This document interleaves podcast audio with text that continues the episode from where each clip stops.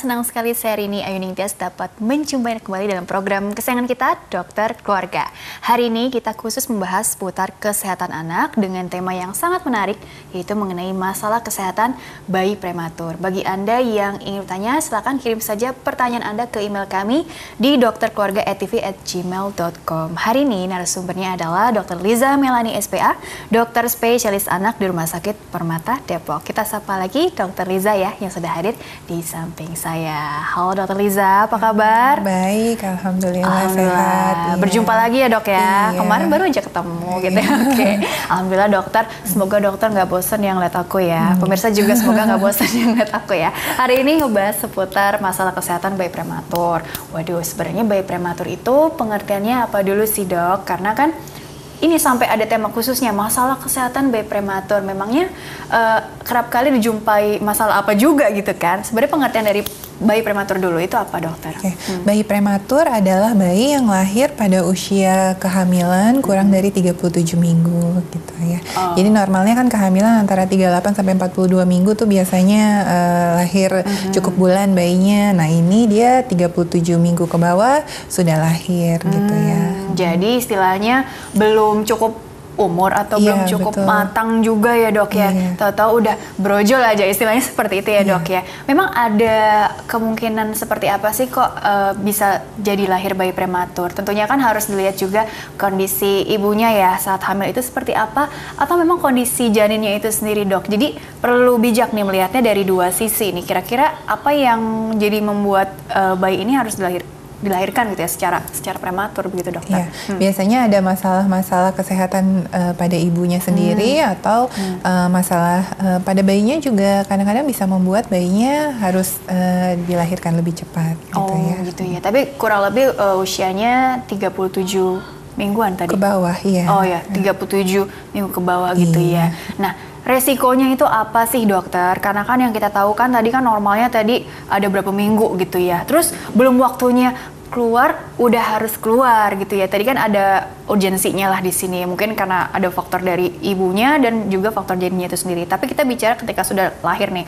udah kan uh, istilahnya sudah alhamdulillah selamat lahir ke bumi gitu ya. Terus juga apa yang perlu di waspadai juga gitu ya karena kan tentunya kondisinya tadi belum matang sempurna gitu harusnya masih ada di dalam di dalam rahim ibunya nggak sih gitu iya, kan betul. ibaratnya seperti itu kan ya iya. jadi bagaimana tuh ya jadi bayi prematur itu uh, karena uh, lahirnya kurang dari 37 minggu artinya dia kan sebenarnya masih harus uh, berada di mm. dalam kandungan belum mm-hmm. saatnya mm. dia untuk uh, keluar mm -hmm. gitu ya mm -hmm. kenapa karena uh, organ-organnya belum siap mm. gitu ya dan biasanya berat badannya juga masih uh, belum cukup cukup gitu ya. Hmm. Tentu ada resiko-resiko. Resiko-resikonya itu bisa masalah-masalah um, yang terjadi langsung pada saat kelahirannya atau di uh, jangka panjang gitu. Seberapa berat masalahnya itu tergantung dari uh, usia kehamilannya gitu. Hmm. Karena kan ada yang lahir prematurnya uh, kita istilahnya late preterm itu mm-hmm. jadi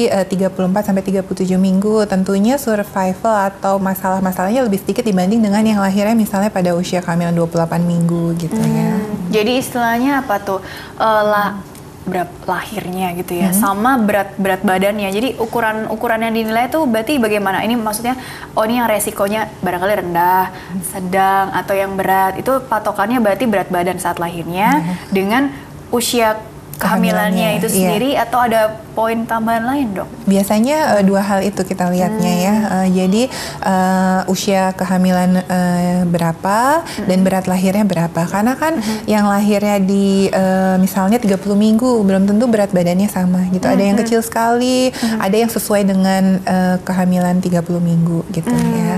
Biasanya memang masalahnya beda-beda gitu ya. Masalahnya beda-beda. Iya. Oh, oke okay. dari yang paling ini dulu deh yang yang resikonya rendah gitu ya. Hmm.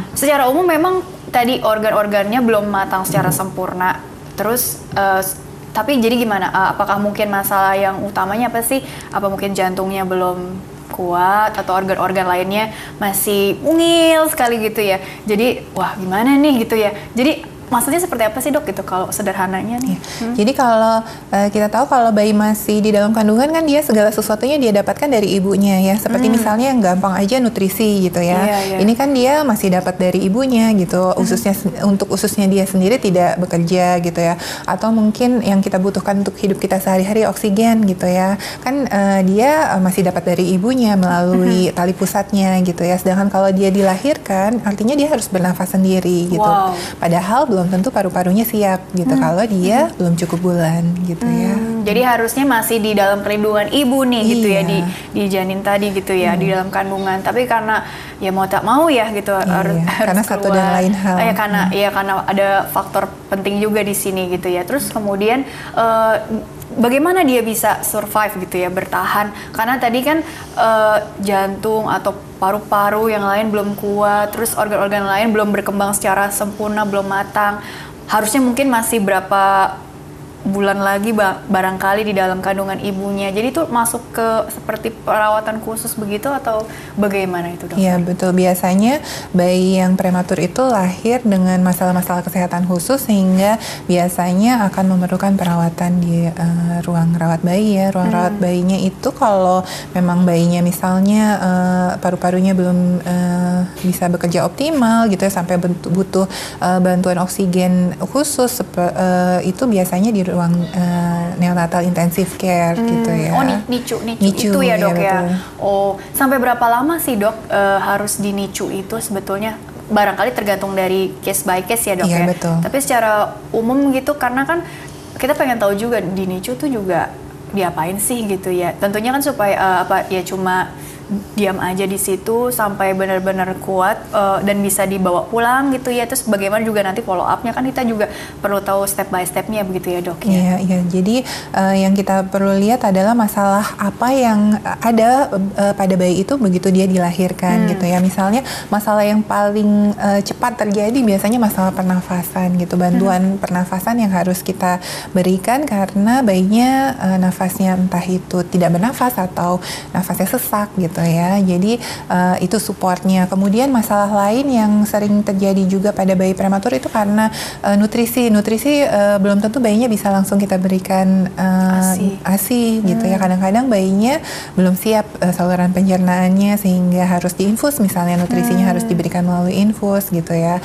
Masalah-masalah lain misalnya ja, tadi disebutkan jantung juga kadang-kadang hmm. ya karena uh, belum waktunya lahir misalnya ada bagian-bagian jantung yang harusnya menutup pada saat bayi lahir belum menutup sehingga oh. uh, menyebabkan kelainan jadi juga belum gitu menutup gitu ya. sempurna begitu iya, ya. Betul. Apa mungkin maksudnya jadi nantinya berdampak pada penyakit kelainan bawaan begitu dok? Misalnya penyakit jantung bawaan atau penyakit paru-paru yang memang bawaan atau apa barangkali ada gitu ya? Iya ada hmm. biasanya hmm. makanya bayi prematur efeknya bukan cuma dia pada saat lahir hmm. kemudian dia dirawat survive uh, dan kemudian dia akan normal seperti bayi hmm. lain tapi dia akan perlu pemantauan jangka panjang karena masalahnya bisa timbul uh, kemudian gitu ya. Pemantauannya sampai kurang lebih uh, ya. berapa tahun? Uh, uh, beda-beda. Hmm. Uh, ter, ya itu tadi tergantung dari uh, seberapa berat prematuritasnya, seberapa kecil dia berat badan lahirnya gitu hmm. ya. Karena hmm. tadi resiko yang dibawa begitu ya hmm. ke iya. depannya artinya bukan saat itu aja gitu yeah. ya, iya, tapi ada sampai mungkin nanti dia tumbuh menjadi anak yeah, remaja. Pada saat dia sekolah dewasa. misalnya hmm. baru uh, terlihat gangguan belajar gitu ya. Oh, gitu. Ternyata dampaknya sampai sebegitu luas ya. Ini yeah. seperti mirip-mirip dengan pembahasan kita yang kemarin ya dok ya. Tapi sebenarnya begini, berarti dampak yang sangat signifikan, oke okay lah, uh, kalau kita bicara kemarin kan ada pertumbuhan, perkembangan seorang anak ya apa bedanya perkembangan dan pertumbuhan bayi prematur dengan anak yang lahirnya cukup umur gitu ya? Jadi uh, perbandingan yang signifikannya itu seperti apa itu dokter? Kan karena standarnya tentu berbeda-beda ya, goalnya yang ingin dicapai juga nantinya juga beda-beda sih. Iya, jadi kalau untuk pemantauan pada bayi prematur biasanya kita menggunakan kurva khusus kan hmm. uh, kemarin kita udah belajar bahwa hmm. bayi uh, anak dan bayi harus dipantau. Hmm. Nah itu uh, kita plot ke kurvanya. Nah bayi prematur punya kurva khusus gitu ya. Dan kemudian nanti ada penyesuaian. Jadi hmm. misalnya dia lahir kurang 8 minggu dari waktu seharusnya gitu Okay. sekitar dua bulan. But, eh, kita tidak bisa mengharapkan anak ini pada usia empat bulan sama dengan anak lain yang usia empat bulan. Biasanya kita kurangi dua bulan. Jadi kita harapkan perkembangannya sama dengan anak usia dua bulan gitu. Meskipun usia eh, dia lahirnya sudah empat bulan yang lalu gitu ya. Jadi ada penyesuaian-penyesuaian. Ada gitu ya. penyesuaian-penyesuaian. Eh, kemudian juga apakah jadi lebih rentan juga ya dok ya terkena apakah otomatis seperti itu? Tapi enggak juga sih. Pasti kan evaluasinya banyak ya. Ada tadi nutrisinya juga, bagaimana juga pola asuh dari orang tuanya juga. Tapi paling enggak ketika bayinya ini memang terlahir prematur, apakah memang selain tadi yang masalah penyakit bawaan, dia juga terkena eh, resiko istilahnya resiko penyakit-penyakit yang menular atau mungkin penyakit alergi bawaan atau apa itu juga jauh lebih meningkat resikonya Iya, atau betul. bagaimana Iya. imunitasnya Eh, ini kalau dikaitkan iya. seperti apa dokter? Iya, jadi eh, kesakitannya, morbiditasnya memang eh, ada Morbiditasnya, hmm. eh, khusus ya, jadi lebih eh, besar daripada anak-anak lain. Eh, seperti misalnya eh, imunitas, imunit Hmm. yang gampang itu penyakit infeksi ya, imunitasnya tentu belum eh, sebaik yang eh, lahir cukup bulan gitu ya, Hmm. jadi dia lebih mudah terkena infeksi gitu ya. Tapi bukan berarti anak deng- yang lahir dengan prematur kondisinya ke depannya nggak nggak apa ya istilahnya memang sih eh, tadi ada standarnya beda-beda tapi istilahnya dia bisa mengejar ketertinggalan anak yang tidak lahir dengan anak yang lahirnya itu cukup umur kan dok artinya maksudnya tetap tetap setara tetap balance atau bagaimana tuh dok atau Iya. memang tetap ada per- perbedaan juga dari segi mungkin kognisinya atau kemampuan dia eh, yang bisa dikembangkan ke depannya kira-kira bagaimana Tentunya tuh? kalau penanganannya norm, eh, optimal, itu Optimal. bisa eh, hasilnya juga bisa optimal ya bisa sama dengan eh, anak eh, lain gitu ya. Tapi jangan lupa tadi itu ada koreksi-koreksi gitu ya. Jadi eh, kita tidak menggunakan usia dia yang aslinya gitu ya. Jadi eh, ada dikurangi dengan eh, berapa bulan dia eh, kurang terlalu cepat lahirnya gitu ya. Jadi ada yang istilahnya usia koreksi. Usia koreksi Usia koreksi. namanya. Jadi usia uh, dia uh, sebenarnya dikurangi uh, usia prematuritasnya. Ya itu Hmm. tadi kalau misalnya uh, contohnya aja yang gampang usia koreksi kalau misalnya uh, dia usia uh, sebenarnya itu enam bulan gitu Hmm. ya, tapi dia ra- lahir prematur kecepatan dua satu bulan misalnya, berarti kita akan memantau dia sebagai anak berusia lima bulan gitu, karena kan dia kecepatan sebulan oke, lahirnya. oke. Gitu. Wah ini untuk usia koreksi kadang-kadang suka nggak sesuai juga nggak sih atau salah gitu salah prediksi bisa aja dong. Misalkan eh, ya memang harus konsul ke dokter anaknya sih Iya, untuk iya. jelasnya seperti apa gitu Iya. ya supaya eh, perkembangannya atau pemantauannya tadi berdasarkan eh, hasil hitung-hitungan tadi begitu ya dok ya. Iya, Ini tujuannya tentunya karena ada tadi target yang ingin dicapai terus udah sesuai nggak sih gitu. Jadi balik lagi ke kurva yang pertumbuhan dan perkembangan tadi ya dok ya. Iya, Tinggi betul. badan, berat badan, lingkar kepalanya udah naik nggak sih perlahan-lahan atau perkembangannya itu sendiri juga bagaimana begitu ya dok ya? Iya, Evaluasinya itu Iya, seperti betul. itu. Hmm. Iya, harus dipantau dan pemantauannya khusus gitu ya. Jadi nggak Hmm. bisa disama eh, semata-mata disamakan eh, dengan anak yang lahir cukup bulan gitu Hmm. ya. Tapi kalau dilihat dari kasusnya di Indonesia gitu ya Hmm. prevalensi dari bayi prematur begitu ya, memang cukup eh, sangat tinggi kah atau bagaimana? Terus juga eh, kaitannya ke yang tadi tingginya angka kesakitan atau morbiditas ya tadi ya istilahnya. Jadi bagaimana itu dokter? Sehingga ini buat gambaran aja walaupun nanti mungkin ada slide yang bisa dijelaskan lebih detail lagi sih. Iya betul.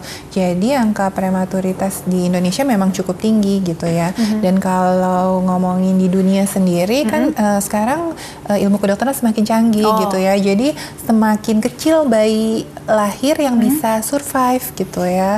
Jadi eh, angka kematiannya semakin kecil nih bayi prematur. Kalau dulu tinggi, sekarang sudah semakin rendah. Tapi Oke. itu diikuti dengan masalah kesehatan karena kan Hmm. bayi prematur ini biasanya punya masalah-masalah kesehatan khusus gitu ya. Iya, penanganannya jadi pastinya khusus juga Iya, gitu ya. betul. Baiklah dokter, kita jeda dulu sebentar. Nanti dilanjutkan di segmen selanjutnya berdasarkan slide juga yang telah dokter persiapkan di rumah sakit ya. Iya. Baiklah pemirsa, jangan ke mana-mana, tetaplah bersama kami. Kami akan kembali sesaat lagi.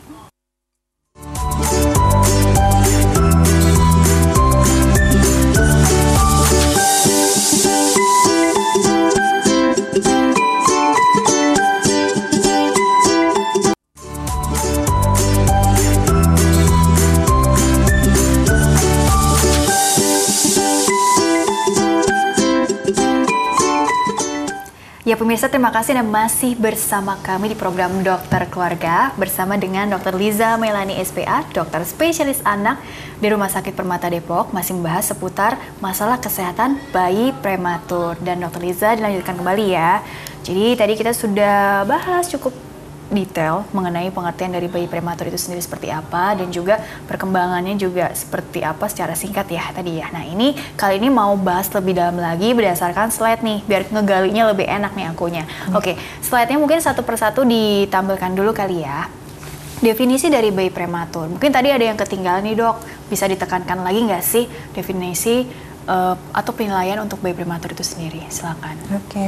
jadi bayi prematur definisinya adalah bayi yang lahir pada usia kehamilan kurang dari 37 minggu. Mm -hmm. Tentunya kita tahu bahwa bayinya belum saatnya lahir mm -hmm. sehingga dia tentunya belum siap untuk hidup di luar uh, kandungan di mana di dalam kandungan segala sesuatu kebutuhannya dia terpenuhi uh, dari ibunya mm -hmm. dan terlindung uh, oleh ibunya gitu ya. Bergantung gitu ya iya, sama ibunya. Betul ketika dia lahir prematur dia harus berjuang sendiri di, di luar sana udah kontak dengan dunia luar soalnya iya, ya dok ya harus berusaha uh, memenuhi kebutuhannya hmm. padahal belum siap hmm. uh, secara pertumbuhannya oh gitu ya. maka itu ya dok ya apa karena itulah angka kesati, kesakitan sorry dan kematiannya ini cukup tinggi begitu ya dok yeah, ya karena betul ketidaksiapan uh, organ-organnya tadi iya, gitu ya dok ya. Jadi itulah yang menyebabkan uh, kematiannya yang tinggi juga iya. gitu ya dok ya. Hmm. Wow, masalah yang sangat serius rupanya. Hmm. Dan ini biasanya memerlukan perawatan khusus di rumah sakit. Jadi uh, tidak bisa langsung dibawa pulang tentunya ya dok ya. Ada hmm. perawatan khusus yang tadi dokter bilang di nicu nicu itu. Iya betul. Hmm.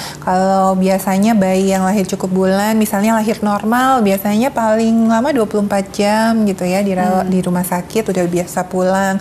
Bayi yang lahir sesar biasanya biasanya sekitar 2 sampai 3 hari gitu ya. Nah, ini memerlukan biasanya memerlukan waktu lebih lama di rumah sakit gitu karena uh, mempersiapkan bayinya atau uh, memperbaiki masalah-masalah yang ada dulu mm -hmm. gitu ya. Dicari tahu juga nih apa nih kurang lebih penyebab yang lainnya iya, gitu ya. Betul. Terus juga edukasi dari tim medisnya juga ke ibunya, ke ayahnya supaya nanti perawatannya juga jadi jauh lebih sempurna lah ya di rumahnya seperti iya, apa. Tapi memang intinya tidak bisa langsung dibawa pulang termasuk tidak langsung bisa inisiasi menyusu menyusui dini ya dok ya? Iya. Uh, hmm. Kalau itu tergantung dari uh, seberapa prematurnya oh. gitu ya. Ada yang disebut late preterm biasanya kadang-kadang uh, tidak begitu bermasalah, hmm. berat uh, badannya tidak begitu kurang okay. gitu, bayinya uh, bugar, uh, aktif itu mungkin bisa, masih bisa gitu. hmm. gitu, stabil bayinya masih bisa dilakukan ya. Jadi masih bisa langsung pakai metode apa ya? Eh, tadi ini seperti metode kanguru iya, gitu ya. betul. ya. Oh itu mungkin dibahasnya nanti dulu deh. Ini dulu ya satu pers iya. satu persatu dulu diselesaikan. Hmm. Slide selanjutnya lagi dulu. Oke. Okay.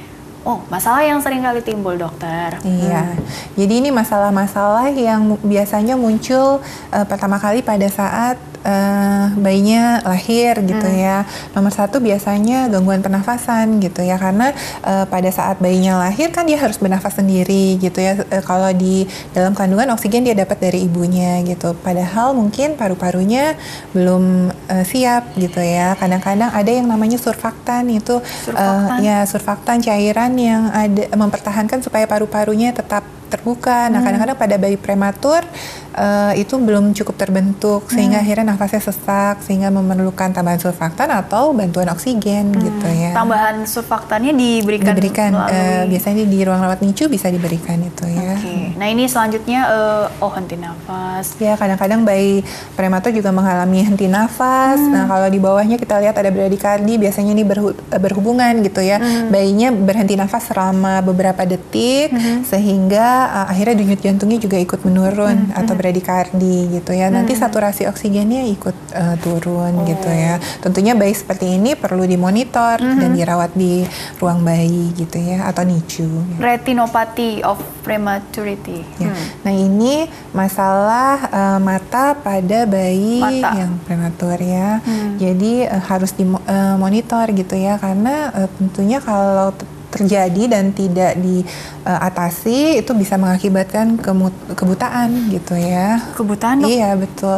Bayi prematur uh, apalagi yang berat lahirnya di bawah 1500 hmm. itu beresiko. Kemudian bayi yang mendapat bantuan oksigen jangka panjang itu juga beresiko untuk terjadi ROP ini gitu. Hmm. Itu uh, uh, makanya ada jadwal screening ROP untuk bayi prematur. Hari pertama gitu. juga kah atau Nggak, tidak langsung hari tidak pertama? Tidak langsung hari pertama ya. ya. Ada itu nanti nampak dari ciri-ciri Iya, kelihatan itu dokter mata yang melakukan hmm. nanti uh, terlihat gitu ya, okay. ada atau tidak. Ya itu gitu. ke dok dokter matanya ya dok iya, nanti ya. Nah. nah ini kuning, nah kalau kuning kan uh, apa tuh permasalahan yang bisa dibilang umum juga gitu ya. Hmm. Tapi kalau kuning pada bayi prematur, apakah jadi jauh lebih kuning atau bagaimana maksudnya? Dan uh, lebih sering lebih terjadinya, sering. Oh. Uh, lebih sering dan uh, batasan uh, yang kita toleransinya itu lebih uh, rendah kalau hmm. pada bayi yang berat lahir yang rendah. Jadi ya. maksudnya sebisa mungkin jangan kuning gitu atau apa? Ya, jadi misalnya dok? begini, misalnya pada bayi cukup bulan usia uh, usia tiga hari misalnya ya uh, bili, kita cek bilirubinnya 14 mungkin hmm. pada bayi cukup bulan tidak ada masalah hmm. uh, 14 boleh kita biarkan saja tidak perlu disinar okay. gitu ya kalau bayi prematur itu bisa jadi masalah dan biasanya kuningnya terjadinya lebih cepat jadi gitu standarnya ya. beda gitu ya beda ya anemia ah, anemia ya, anemia karena uh, uh, dua bisa karena proses uh, pembentukannya yang lebih lambat atau karena uh, usia sel darah merahnya yang uh, lebih pendek gitu. Dan kelainan gitu. jantung ya seperti yang sudah dijelaskan ya waktu yeah. itu ya. Oke okay, dan infeksi oh lebih rentan. Tadi udah di segmen awal ya udah yeah, dijelaskan juga ya. Tadi. Banyak ya kompleks tapi tidak tidak selalu sem artinya bagaimana ya? Tergantung ya bisa aja yang terkena yang ini pada bayi yang A yang B beda lagi gitu ya dok. Jadi penanganannya beda-beda begitu ya. Slide berikutnya lagi. Masalah jangka panjang nih. Hmm. Bagaimana dokter? Ya, ini yang tadi kita omongin. Jadi hmm. bayinya uh, sudah berhasil keluar dari uh, ruang perawatan bayi, sudah boleh pulang, tapi ternyata uh, tidak bisa kita tenang-tenang aja gitu ya, hmm. karena bayi-bayi prematur ini ternyata uh, beresiko mengalami gangguan pertumbuhan, perkembangan, kemudian uh, pendengaran, hmm. tadi penglihatan tetap harus uh, ada pemantauan, kemudian ada masalah anemia juga gitu. Ini hmm. beberapa di antaranya sebenarnya masih banyak lagi ya yang mungkin. Iya, tapi secara umum memang uh, ketika sudah dibawa pulang ke rumah, hmm. tanggung jawabnya jauh lebih Iya, besar berbeda ya. dengan bayi yang lahir cukup bulan iya, ya. Iya, karena kan pemantauannya terus menerus ya sepanjang hari setiap ini di, hmm. diperhatikan di pertumbuhannya, perkembangannya. Hmm. Nah ini pendengaran, penglihatan, bahkan tadi sampai anemia begitu ya dok ya. Anemianya sendiri bukan masalah karena defisiensi zat besi aja ya dok ya, tapi bisa karena yang lain juga nggak sih atau atau memang seperti apa sih maksudnya di sini dok? Uh, anemianya yaitu tadi bisa karena usia sel darah merahnya yang hmm. lebih pendek pada bayi prematur gitu karena ya. Kemudian asupannya gitu ya, ya. ya. Oh. Bia, uh, bayi uh, umumnya mengalami anemia di atas usia 4 bulan gitu. hmm. gitu. Bayi prematur biasanya lebih cepat terjadi Waduh, anemia. lebih cepat ya. Oke. Okay. Serius sekali nih ya perbincangan kita soalnya. Oke, gambar berikutnya lagi Tadi dampaknya luas banget soalnya. Oke, yang harus dilakukan ya dok ya, pemantauan yeah. pertumbuhan, perkembangan, screening, pendengaran penglihatan, intervensi dini sudah pasti ya dok yeah. ya, dan imunisasi. Uh, slide berikutnya lagi dulu. Slide selanjutnya. Slide selanjutnya, mohon maaf. Oke. Okay. Maka itu melibatkan dokter siapa saja nih dokter Iya, jadi karena kompleksnya masalah hmm. uh, bayi prematur, apalagi semakin muda usia kelahirannya ya semakin kompleks masalahnya. Biasanya ini adalah uh, personil yang biasanya uh, turut terlibat. Uh, ada tentunya dokter anak, kemudian dokter mata ya, hmm. uh, THT karena masalah pendengaran biasanya juga menjadi masalah harus di screening ya. Kemudian jika ada keterlambatan-keterlambatan harus dilakukan fisioterapi. Uh, atau terapi wicara. Kemudian masalah nutrisinya juga kompleks ya pada hmm. bayi prematur. Lebih kemudian ya. kadang-kadang ya. ada masalah-masalah misalnya masalah belajar di kemudian hmm. hari ya hmm. itu melibatkan psikolog gitu okay. ya. Oke, ini jangka panjang nih ya iya, kita betul. bicaranya ya. Ada lagi atau kita beralih ke materi lagi ya? Oke, dok. E, jadi sebenarnya kan tadi karena pertumbuhan dan perkembangannya tuh tadi harus selalu dipantau, sehingga kan pertanyaan selanjutnya adalah bagaimana perawatan terbaiknya gitu ya hmm. di rumah begitu ya. Oke, tadi alhamdulillah setelah dinicu uh, dinilai dievaluasi sudah boleh dibawa pulang nih kondisinya hmm. udah uh, bisa lah ya di kita serahkan ke keluarganya, khususnya ibunya udah diedukasi sebelumnya. Tapi apa yang biasanya ditanamkan dulu nih ke ibunya, terutama kan mungkin menyusuinya agak berbeda kah gitu ya. Terus kemudian juga caranya, terus juga pelekatannya barangkali, terus juga bagaimana nanti si ibu atau si ayahnya atau keluarga besarnya untuk merawat dan membesarkannya supaya pemantauannya juga sempurna juga di sini kira-kira seperti apa? Atau mungkin jangan sempurna lah ya bahasanya ya. Paling enggak ya optimal deh seperti apa itu dokter? Ya, jadi biasanya memang sebelum memulangkan uh, bayi prematur ada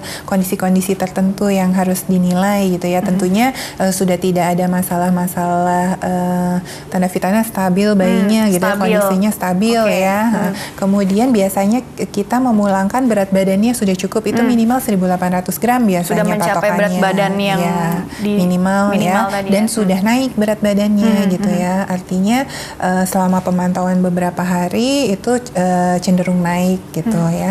Kemudian yang harus dinilai lagi adalah kesiapan orang tua gitu ya. Ibunya sudah bisa memberikan nutrisinya apa pun itu bentuknya gitu hmm. ya. Sudah siap ibu dan anggota keluarga lain yang akan merawat sudah siap atau belum gitu ya. Baru kita bisa pulangkan bayinya gitu ya. Tapi patokannya berarti istilahnya udah stabil, udah nggak ada kondisi kegawatan yang kira-kira uh, bisa aja nggak sih itu terulang lagi dok? Uh, let's say dia udah dibawa pulang ke rumah karena stabil gitu ya. Tapi sewaktu-waktu baru berapa minggu atau berapa bulan kok ada kondisi kegawatan yang memang mengharuskan dia langsung dibawa lagi gitu ya. Ternyata memang harus ada pemeriksaan lanjutan lagi gitu ya.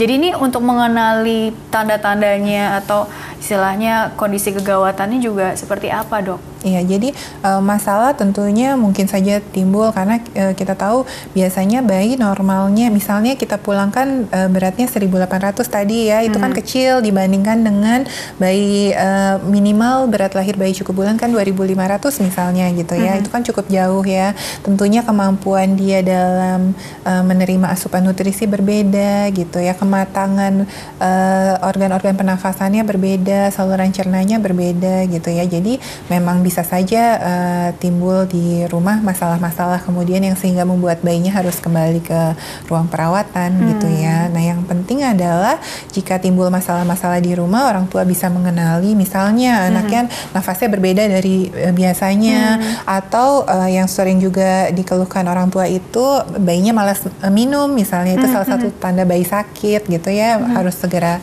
uh, diperiksakan ke dokter gitu. Jadi uh, orang tua juga harus cermat uh, melihat ini anaknya apa rewel atau kalem atau gimana apa terlalu yeah, kalem gitu yeah. ya barangkali ada yang perlu dicari tahu lagi begitu ya dok yeah, ya betul. tapi kalau untuk berarti uh, memang pemenuhan ASI eksklusif ya kalau bisa begitu ya dok ya. Terus kemudian juga nanti bagaimana selanjutnya makanan pendamping asinya juga. Yang penting adalah kebutuhannya tadi. Terus kemudian juga uh, tentunya ada imunisasi segala macam juga sama aja kan ya dok ya dengan bayi yang nggak prematur sekalipun jadwalnya ini sendiri uh, bagaimana dok? Karena kan tadi ada usia koreksi segala lah gitu ya. Itu gimana tuh? Apa nggak nggak bingung dok untuk menentukannya dok? Iya kalau untuk usia koreksi biasanya digunakan untuk pemantauan tumbuh kembangnya gitu -hmm. ya.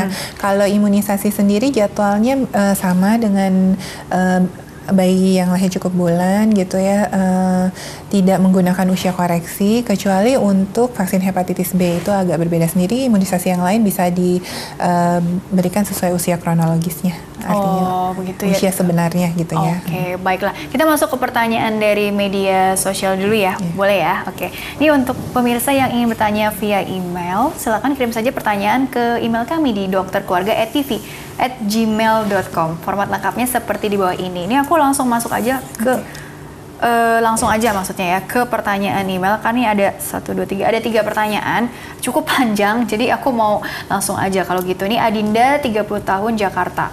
Ibu Adinda bertanya seperti ini dokter. Dokter anak saya perempuan usia 5 bulan lahir prematur dengan berat badan 2,5 kilo. 2,5 kilo prematur kah? Oke. Tidak langsung menangis saat lahir. Pernah hiperbilirubin berulang, saat ini anak saya merespon suara-suara dari sekitar. Tapi terkadang kalau sedang pegang sesuatu atau mainan, dipanggil-panggil dia cuek aja dan tidak merespon. Apakah perlu curiga ke masalah pendengaran? Waktu itu sudah pernah tes OAE katanya dan hasil keduanya normal. Terima kasih. Oke. Usianya 5 bulan, dulu lahir 2,5 kilo, gak langsung menangis dan ada riwayat hiperbilirubin berulang Saat ini kalau dengar suara masih merespon, tapi kalau dipanggil suka cuek, khususnya kalau dia lagi fokus sama mainannya. Oke, uh, apakah perlu curiga ke masalah pendengaran? Karena waktu itu pernah tes OAI hasilnya normal dokter. Oke, ini mungkin juga maksudnya begini ya dok ya. Tadi aku lihat kan di slide ada kolaborasi gitu ya. Artinya ada dokter mata juga, terus juga mungkin ada pemeriksaan lanjutan juga gitu ya. Jadi mungkin kalau dikaitkan ke pertanyaan dari Ibu Adinda, apa tanggapan dokter? Ya, uh, jadi kalau melihat mungkin kalau lahirnya 2500 mungkin prematurnya kemungkinan yang late preterm ya, jadi hmm. nggak hmm. terlalu prematur gitu ya okay. mungkin ya. Hmm. Uh, dan itu sepertinya kalau dari ceritanya ada faktor-faktor resiko seperti misalnya uh, kuning ya, hmm. hiperbilirubinemia berulang. Itu, uh, ya biasanya sih yang beresiko gangguan pendengaran itu yang kadarnya sudah sangat tinggi sekali sampai perlu transfusi tukar gitu misalnya ya. hmm. ya. Kemudian uh, yang mungkin tidak disebutkan uh, berapa lama dia uh, perawatan di NICU-nya, hmm. uh, kemudian uh, oksigen penggunaan oksigen berapa lama okay. gitu ya apakah oksigennya hanya oksigen biasa atau sampai pakai ventilator hmm. gitu ya hmm. kemudian adakah obat-obatan uh, biasanya antibiotika yang ada yang menyebabkan gangguan pendengaran juga hmm. bisa gitu ya jadi memang bayi-bayi kalau ada faktor resiko untuk gangguan pendengaran, biasanya kita screening pendengarannya. Eh, sekarang di beberapa rumah sakit di Indonesia juga sudah screening pendengaran meskipun bayinya bukan bayi prematur gitu ya. Jadi sebelum pulang di screening pendengaran. Nah itu sebelum disesuaikan, ya, ya hmm. gitu. Disesuaikan. Jadi kalau misalnya memang ada faktor resiko dan uh, ada kecurigaan bahwa uh, pendengarannya terganggu, itu bisa diulang atau dilakukan pemeriksaan lain yang lebih uh, kompleks gitu ya. Hmm. Oh ini sih ke THT ya dok Iya ya, betul, gitu itu ya, nanti dok, THT yang melakukan. Pokoknya kalau masalah penglihatan ya ke mata, ini ke THT gitu ya. Yeah. Tapi memang uh, agak lebih spesial ya karena kan harus di kita cari tahu cari tahu lagi waktu itu bisa aja hasilnya eh, baik-baik uh, aja tapi kan seiring dengan berjalannya waktu tidak menutup kemungkinan gitu dengan kemungkinan-kemungkinan yang lain. Mudah-mudahan sih nggak apa-apa begitu ya dok yeah. ya. Oke kurang lebih seperti itu ya. Apalagi tadi ada riwayat hiperbilirubin berulang lah begitu ya. Hmm. Oke ini pertanyaan selanjutnya dari Badriah 29 tahun Jakarta. Ibu Badriah bertanya seperti ini. Dokter bagaimana mengatasi bayi saya yang prematur usia baru beberapa bulan yang sering gumoh? Apa ada yang salah? Sementara saya sudah mengikuti manajemen pemberian ASI yang tepat dan dengan tepat, sorry, sesuai ajaran di klinik laktasi RS. Mohon petunjuk. Terima kasih. Oke, okay, gumo ini kan katanya umum juga ya terjadi ya. Tapi ini bagaimana sih mengatasinya? Apa ada yang salah karena udah ngikutin petunjuk-petunjuk yang seharusnya dijalankan dari klinik laktasinya begitu? Oke, okay. uh, eh, tapi tidak disebutkan ya hmm. ya sayangnya berapa iya, uh, usianya sekarang ya? Iya, uh. pendek. Ah iya, pertanyaannya nggak lengkap ya. Iya. Data-datanya kurang jelas berarti ya dok ya. Jadi uh, bayi memang biasanya di awal-awal, terutama tuh enam bulan pertama memang masih sering gumoh. Uh, tidak hanya bayi prematur, tapi bayi cukup bulan pun masih suka gumoh gitu ya. Hmm. Uh, yang harus diwaspadai, uh, ya pertama harus bedakan dulu antara harus bisa membedakan gumoh dengan muntah gitu ya. Hmm. Kalau gumoh kan dia uh, tidak muncrat, jadi hanya mengalir-mengalir saja gitu ya. hmm. ya. Uh, tidak ada usaha dari anaknya, pasif gitu bentuk perutnya sedangkan hmm. kalau muntah kan kelihatan ada uh, tarikan di dinding perutnya gitu hmm. ya hmm. uh, kemudian yang kedua uh, tanda kegawatan harus dikenali gitu ya uh, gumoh yang sudah patologis gitu ya. Hmm. Jadi misalnya anaknya menolak menyusu, hmm. kemudian anaknya kelihatan kesakitan, rewel gitu ya, atau uh, satu lagi berat badannya tetap naik bagus atau enggak hmm. gitu ya. Hmm. Kalau bayinya sering gumoh tapi berat badannya masih bagus, anaknya aktif, uh, menyusunya kuat gitu ya bisa jadi hanya gumoh yang normal saja hmm. gitu ya. Hmm. Mungkin bisa dibantu mengurangi dengan memposisikan bayinya setelah uh, menyusu gitu ya. Oke, okay. wah banyak ya bahan evaluasinya ya. jadi supaya jadi makin terbuka nih pola pikirnya. Ternyata banyak sekali itu yang perlu dicari tahu. Kalau misalkan gumoh tapi berat badannya masih oke-oke aja ya, berarti mungkin masih masih bisa normal. Ya normal gitu ya. Atau, ya pokoknya banyak evaluasinya yang perlu dicari tahu lagi begitu ya. Barangkali tadi mungkin posisi tadi ya bisa iya, jadi salah satu uh, hmm, posisi ketika jangan langsung ditidurkan setelah hmm. uh, selesai menyusu gitu ya. oh. ya dan harus dilihat semakin bertambah umur anaknya hmm. gumuhnya seharusnya semakin berkurang hmm. gitu ya ini bukan kaitannya ke alergi atau masalah pencernaan? Bisa kalau yang patologis yang patologis sudah menjadi ya? penyakit ya hmm. bisa ada hubungannya. Oke, okay, tapi sekali lagi evaluasi dulu tadi uh, sesuai dengan saran dari dokter Liza. Kalau misalnya curiga ini jangan-jangan karena memang patologis ya harus dikonsultasikan lebih dalam ke dokter ya biar hmm. nanti lebih enak lagi seperti apa gitu ya. Oh, pertanyaan selanjutnya seperti ujian, Dok. Laras 32 tahun Jakarta. Dokter, bayi saya nafasnya kalau tidur berbunyi grok-grok disertai batuk-batuk. Apakah karena dia lahir prematur atau karena saya juga ada alergi asma jadi kemungkinan menurun juga ke dia?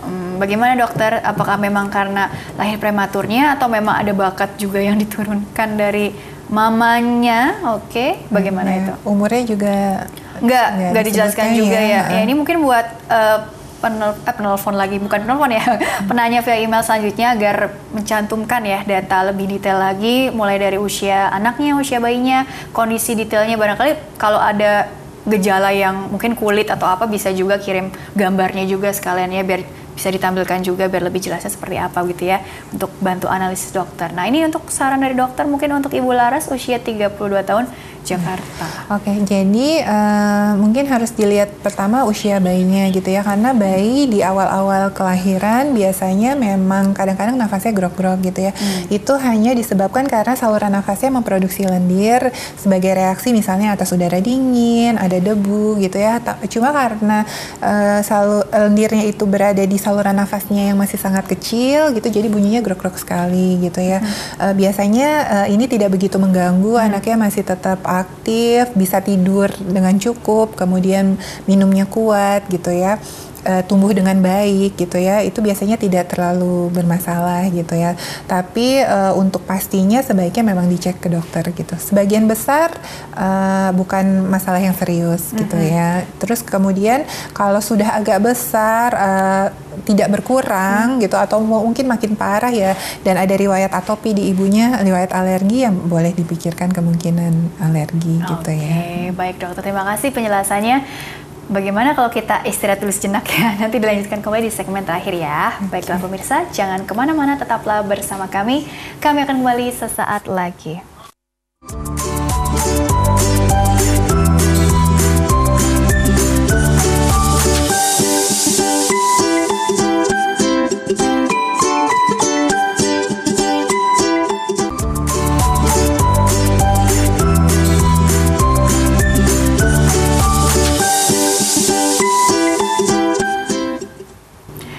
Pemirsa terima kasih Anda masih bersama kami di program Dokter Keluarga masih membahas seputar masalah kesehatan bayi prematur bersama dengan Dr. Liza Melani SPA, dokter spesialis anak dari Rumah Sakit Permata Depok. Dr. Liza, dilanjutkan kembali seputar tips-tipsnya nih kali ini ya buat ibu-ibu di luar sana, khususnya ibu-ibu milenial yang udah rajin browsing, googling gitu ya. Hmm.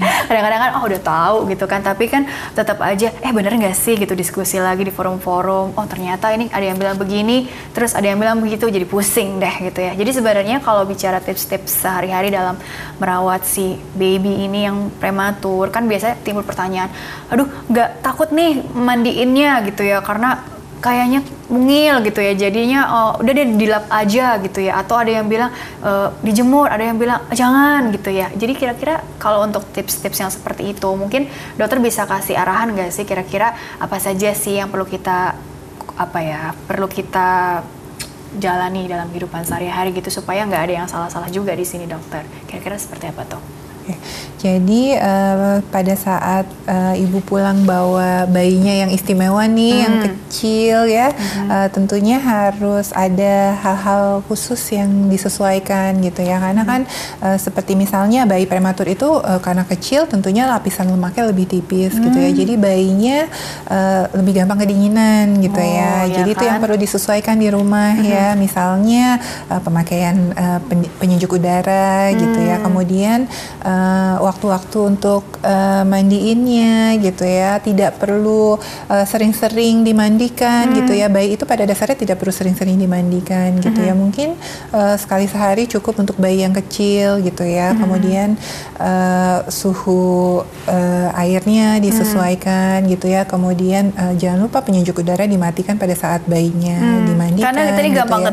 ya, kedinginan iya, gitu ya betul. dok ya dia tidak bisa mempertahankan suhu tubuhnya oh, dengan baik karena tipisnya aku jadi otomatis Iya. ngerasain gitu Jemur ya. juga gitu. Kalau misalnya bayinya masih terlalu kecil, biasanya kita tidak sarankan jemur karena kan itu eh, terkena angin gitu ya. Kalau di apa dok bedong apa tuh istilahnya di bedong-bedong begitu gimana Iya, dok? boleh eh, bode- bedong itu boleh tapi eh, dengan syarat-syarat khusus misalnya Oh. tidak terlalu ketat gitu ya. Kasian dong nanti Jangan dilurus-lurusin gerak kakinya. gitu kan. Iya betul.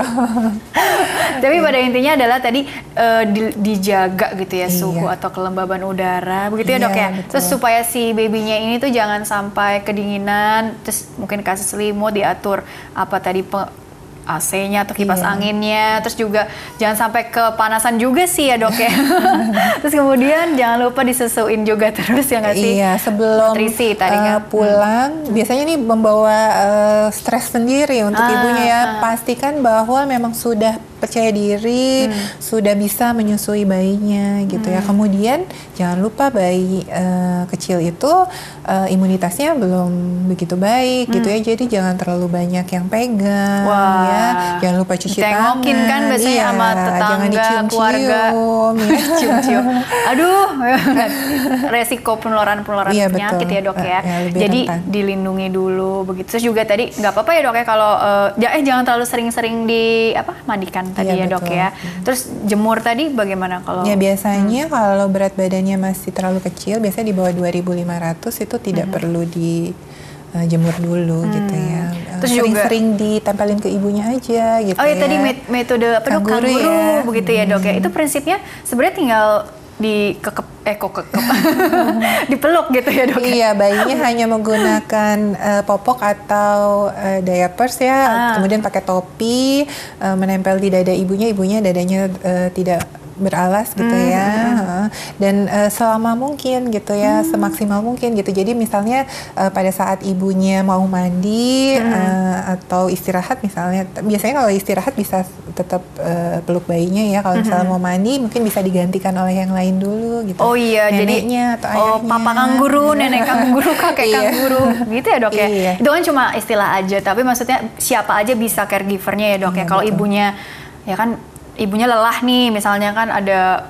ba- baby blues pernah nggak baby blues atau mungkin bahkan ya udah capek lah ya segala macam papanya ambil alih Iya. jadi orang-orang di sekitarnya yang lain yang juga sayang sama si baby itu ya dok ya bisa memberikan sentuhan kehangatan Iya, gitu betul. melalui metode kanguru itu ya Iya. supaya si bayinya itu jadi apa tadi eh, ya biar lebih imunitasnya lebih kuat juga ya dok ya. Eh, ya suhunya tetap terjaga Nah. gitu ya. Kemudian kan eh, kalau dia dipeluk oleh ibunya gitu ya, dia lebih dekat dengan sumber nutrisinya. Hmm. Jadi biasanya bayinya juga pertambahan berat badannya lebih bagus gitu ya. Hmm. Setiap saat dia bisa langsung menyusu gitu ya. Oke, ASI eksklusif ya kalau bisa ya. Terus Iya. kemudian juga mulai diberi makanan pendamping ASI yang juga yang tepat juga penyajiannya juga begitu ya Iya. dok ya. Terus kalau misalnya ternyata bayi ada reaksi-reaksi yang tadi eh, apa tuh? Ada yang bilang gumoh lah atau apa gitu ya dok ya. Eh, ini cari tahu dulu ah, ini ada yang patologis atau enggak gitu Iya, ya dok betul. ya.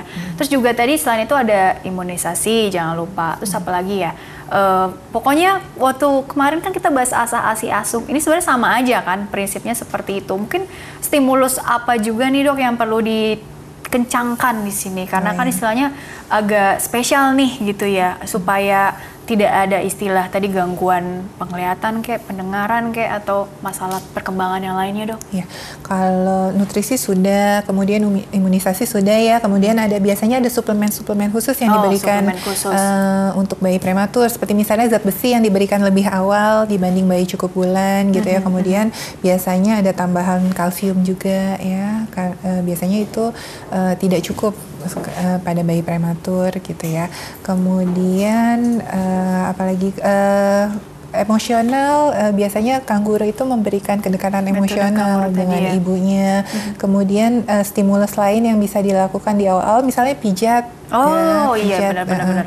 eh, pelajari eh, bagaimana cara memijat bayi eh, prematur gitu. Tentunya berbeda ya. Oke, jadi pijat tuh bisa juga jadi salah satu ini juga ya solusi Stimulasi, stimulasi ya. tadi ya, supaya pertumbuhan dan perkembangan bayi ini jadi baik gitu ya, optimal gitu ya. Dokter, waduh waktunya terbatas nih. Jadi kesimpulannya singkat saja mengenai tema hari ini kepada kita semua. Silakan dokter. Iya, uh, bayi prematur adalah bayi istimewa uh, tentunya dengan masalah-masalah uh, kesehatan uh, tersendiri uh-huh. gitu ya. Jadi uh, perlu untuk pemantauan dan uh, intervensi yang uh, berbeda dibanding uh, bayi yang lahir cukup bulan gitu okay. ya. Baik, terima kasih telah berbagi ilmunya di sini Dokter Liza.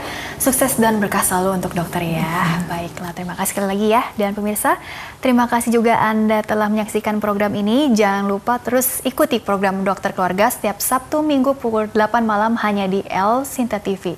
Akhir kata, saya Rini Ayuning Tias beserta seluruh tugas mohon undur diri dari hadapan Anda. Terima kasih dan sampai jumpa.